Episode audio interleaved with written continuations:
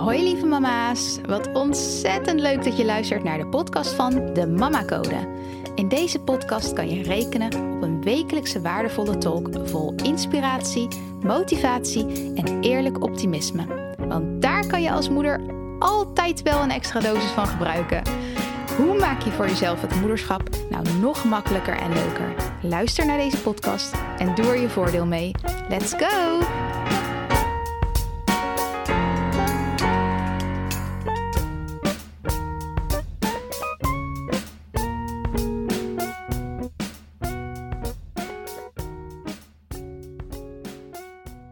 Hallo, hallo lieve moeders. Welkom bij een nieuwe podcastaflevering van de Mama Code. En dit is ergens aflevering ja, tussen de 30 en de 40. Ik weet het even niet meer aan mijn hoofd. Ja, echt heel tof. Ik ga gewoon lekker door. En ik heb het idee dat ik steeds meer echt in de flow raak. En dat het steeds vloeiender loopt. Dus voor degenen die vanaf het begin af aan mijn podcast luisteren. Uh, ja, tof dat je nog steeds intuned. Tof dat je nog steeds ja, de podcast volgt. En ja, bij mij blijft, zeg maar. Terwijl ik aan het leren ben om beter te worden in het podcasten. Uh, maar het gaat volgens mij best prima. Ik heb er plezier in. En ik denk dat dat echt het allerbelangrijkste is. Als ik dat niet zou hebben, zou ik het ook niet doen. Ik uh, hoef dit voor niemand te doen. Dus ik doe dit echt vanuit uh, een plek van joy. En uh, ja, ook de, het gevoel dat ik echt graag dingen wil delen. En dat er iemand op moet staan om die dingen te delen. En ja, dan ben ik dat. Ik ben dankbaar dat ik dat ben. Um, ik heb ook uh, weer in deze aflevering dat ik een vraag ga behandelen van iemand die uh, vragen aan mij gesteld heeft. En gevraagd heeft of ik daar een podcastaflevering over wil maken. Um, en het gaat over uh, hoe je eigenlijk nog als moeder zijnde, uh, en bij haar zeg af dan specifiek aan op het moment dat je kinderen naar school gaan, hoe weet je of kom je erachter wie jij dan zelf nog bent en wat je hobby's zijn en wie, hè, wie ben jij dan nog als persoon? Omdat je zo opgegaan bent in je moederrol, in het moederschap en dat zo allesomvattend hebt laten zijn. En het is natuurlijk ook huge. Het is niet zomaar iets wat je erbij doet. Ik denk dat dat ook nog wel een veel gemaakte fout is um, in de verwachtingen vooraf. Dat mensen vaak, of moeders, of ook vaders, ja, ook echt wel vaders, van tevoren denken: oh, dat doen we er wel even bij. Oh ja, we nemen wel even een kind erbij. Want um, we kunnen gewoon doorgaan met ons leven. En vaak hoor je dat ook, dat het van tevoren gezegd wordt: ja, nee, uh, we, ons, uh, we gaan niet zoveel veranderen hoor. Het kind uh, gaat maar mee in ons leven. Ja, en uh, ergens zit daar natuurlijk ook wel een kern van waarheid in. Het is niet zo dat je je hele leven compleet, compleet om hoeft te gooien. Maar ook weer wel. um, ja, dat. Dus ik denk dat dat ook wel is van... Uh, het is ook een allesomvattende rol. En ik denk dat veel ouders aanstaande ouders van tevoren verwachtingen hebben of juist geen verwachtingen hebben en denken het zal wel loslopen, het komt wel goed en dan bam, er zit opeens een wereldshock van wat er op je afkomt. En het mag gewoon gezegd worden. Ik ga het gewoon zeggen. Het is gewoon een wereldshock. Ouder worden is gewoon een wereldshock. Een vader worden of moeder worden is een wereldshock. Het is niks wat je er van tevoren bij voorgesteld hebt. En het is zoveel meer dan dat je er van tevoren bij voorgesteld hebt. En in de positieve zin, maar ook zeker in de zin van dat het een onwijze omslag is. En dat het iets met je doet. En dat het wennen is. En dat het heel lang wennen kan zijn. En dat het dingen teweeg brengt bij je die je nooit van tevoren had verwacht dat het teweeg zou brengen. En dat is het gewoon. Het is zoveel omvattend. En dat is vooral ook, laat ik vanuit mezelf praten, dat is hoe ik het ervaren heb. En ik dacht niet van tevoren, ik doe het er wel even bij. Ik ken wel mensen uit mijn directe omgeving die dat wel dachten. Um, van het kind gaat gewoon mee in ons leven. Ik dacht dat niet van tevoren. Ik dacht wel echt, nou, het gaat een enorme invloed hebben. Het gaat een enorm verschil maken en daar kiezen we dan ook bewust voor. Maar er kwam zoveel meer bij kijken dan dat ik van tevoren had bedacht. En je kan je überhaupt al geen voorstelling maken van tevoren over de enorme intense, het enorme intense gevoel van liefde, wat mij in ieder geval overviel toen ik moeder werd. En die band die ik met mijn kinderen heb, die met niks te vergelijken is. Ik dacht, oh, ik, ik snap het wel. Ik hou van mijn ouders, ik hou van mijn man. Uh, ik snap, uh, iedereen zei, oh nee, het is echt een andere vorm van liefde. Ik dacht, ja, maar ja, bedoel, die band heb ik ook met mijn ouders. Het is zo anders. Het is met niks te vergelijken. Het, is zo, het gaat zo, zo diep. Dat je gewoon van iemand, als ik heel eerlijk ben, gewoon meer hou dan van mezelf. Dat is het gewoon. Ik ga het gewoon zeggen. Ik hou van mezelf.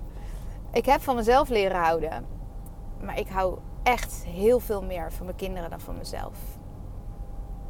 En ik hou ook van mezelf. En ik zorg ook goed voor mezelf. En ik weet dat dat ook een goed effect op mijn kinderen heeft. Maar ik hou zo intens van mijn kinderen. En daarom is het ook, kan het ook een valkuil zijn voor moeders om er zo in op te gaan dat alles om je kinderen gaat draaien. Uh, hoe je. Um, hoe je je routine inkleedt, wat je doet op een dag, waar je aan denkt op een dag, waar je over praat op een dag. Letterlijk alles. En ik zeg niet dat het één goed of fout is, hè. Maar je ziet het ook gewoon bijvoorbeeld aan uh, social media profielen. Dat, dat het heel vaak wordt een social media profiel compleet in beslag genomen als het een ouder betreft door foto's en filmpjes van het kind. En nogmaals, ik zeg niet dat het goed of fout is. En ik heb hier echt 100.000 procent respect voor. Um, voor zowel degene die het wel doen en niet doen. Dat ik dat voorop stel, ik heb hier geen oordeel over. Ik wil daar alleen maar mee aantonen dat het inderdaad zo zoveel ruimte in kan nemen bij een ouder. Dat letterlijk alles om het kind draait. Omdat je er zoveel liefde voor voelt omdat je het zo leuk vindt. En tegelijkertijd natuurlijk ook pittig. Maar de liefde, de liefde staat bovenaan. De liefde overwint altijd. De liefde, liefde is alles. En dan kom je op een gegeven moment op een punt. En zeker in dit geval deze moeder die de vraag stelde van... Ja, mijn kinderen gaan nu naar school. Wie ben ik dan nog? Daar kwam het eigenlijk op neer. Wie ben ik nu nog? Ik weet het niet meer. En dat is ook heel logisch. Want je kinderen maken een heel groot onderdeel van je leven uit. En je hebt een leven voordat je kinderen werden geboren en een leven nadat ze geboren zijn. En dat, daar is een hele duidelijke scheidslijn te zien. Dat nadat je kinderen geboren zijn, wordt het niet, is het niet meer anders. Het gaat niet meer terug volledig naar hoe je daarvoor was. En terecht, in mijn ogen. Um, maar die vraag is dus ook heel terecht: van wie ben ik nu nog? En ik weet nog dat ik op zo'n punt was beland zelf. Dat was een jaar na de geboorte van uh, James ongeveer. Ik denk iets eerder. Ja, was iets eerder. En uh, ik ben toen op een gegeven moment uit uh, pure vermoeidheid in een uh, burn-out beland. Zo, hebben, zo noemden ze dat dan. Maar ja, voor mij was het gewoon echt volledige oververmoeidheid. Um, waar later dan ook dingen uit voortvloeiden. En ja, ik, ik, ik ben toen. Eigenlijk mijn breekpunt is toen geweest dat ik een auto-ongeluk heb gekregen. Een botsing met mijn oudste zoon in de auto. En dat was voor mij heel, heel erg zwaar. Ik vond dat heel erg. En niet eens voor mezelf, maar echt voordat ik mijn kind eigenlijk. Voor mijn gevoel had ik mijn kind in gevaar gebracht. Omdat ik door ben gegaan en door ben gegaan en door ben gegaan terwijl ik vermoeid was terwijl ik me vermoeid voelde. En ik voelde dat al langer, maar ik wilde doorgaan voor anderen. En uiteindelijk benadeelde ik juist anderen daarmee.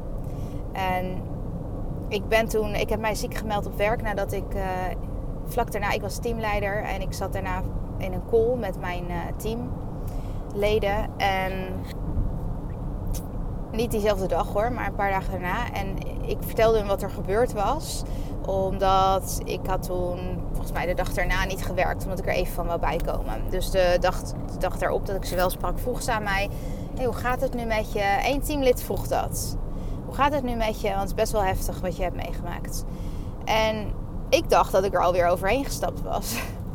Uh, ik dacht, ik ga gewoon weer door. Ik ga weer lekker werken. Komt wel goed. En ik zat in die call en zij stelde mij die vraag. En ik brak eigenlijk. Uh, ik had hem ook niet verwacht. Dat was een beetje out of the blue voor mij. En ik brak in die call met mijn teamleden. En ja, toen merkte ik dat het echt wel heel hoog nog zat. En zij gaf toen ook bij mij aan.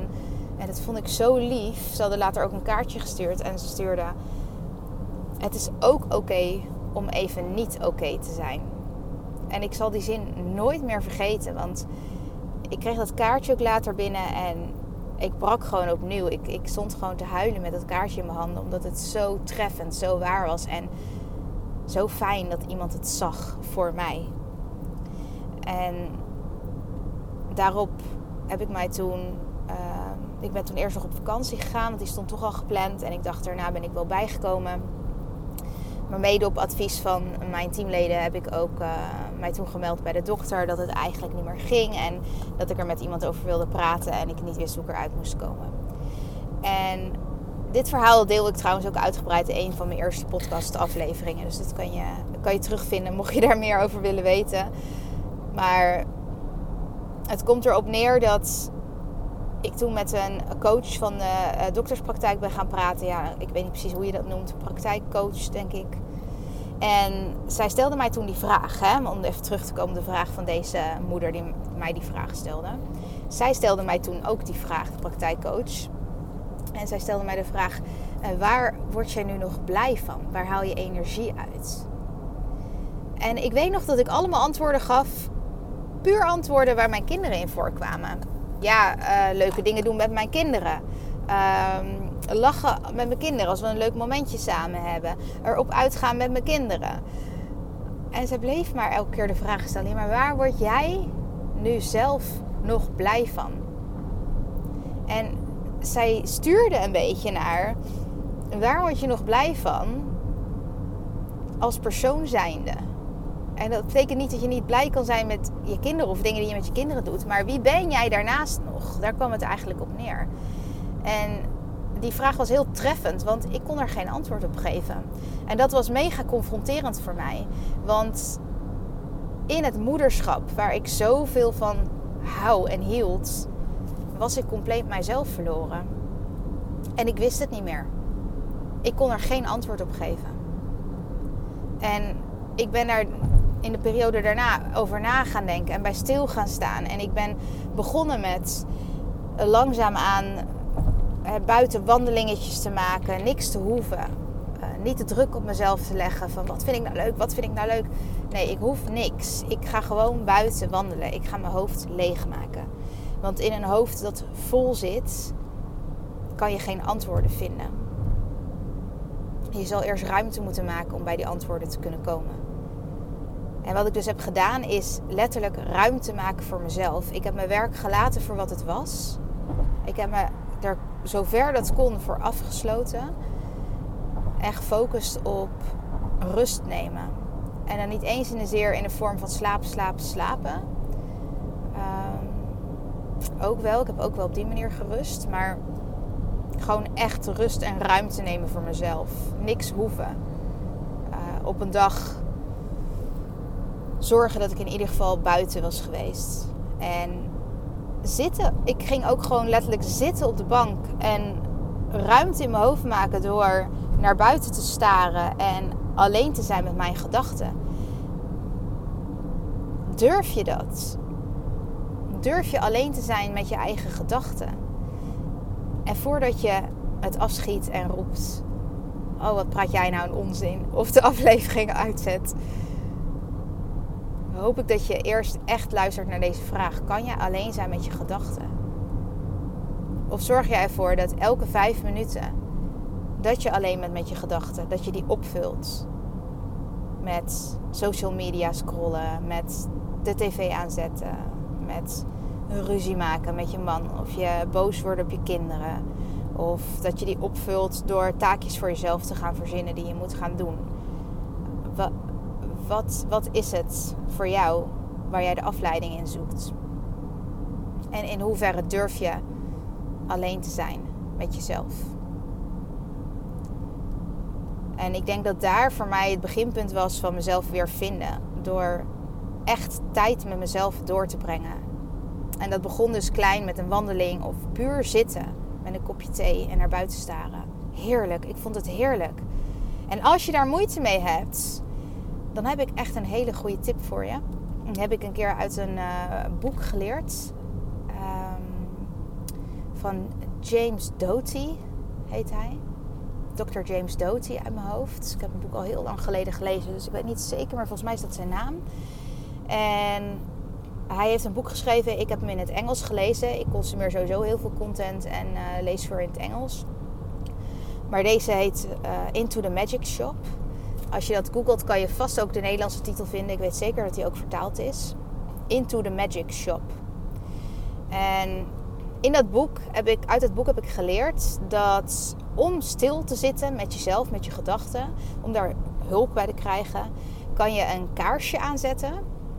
En puur op dat vlammetje van het kaarsje focussen.